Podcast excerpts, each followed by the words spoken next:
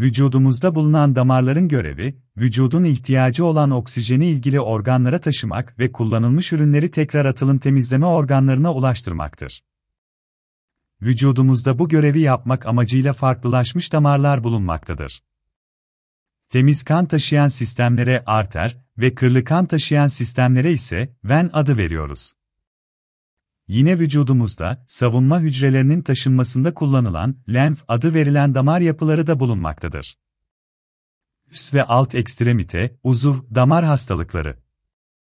Ekstremite adı verilen kol ve bacak bölgelerindeki arter sistemini ilgilendiren durumlar vücudun diğer arter sistemlerini ilgilendiren durumlardan farklı değildir. En sık alt ekstremitelere ait ateroskleroza bağlı tıkayıcı hastalıklar görülmektedir.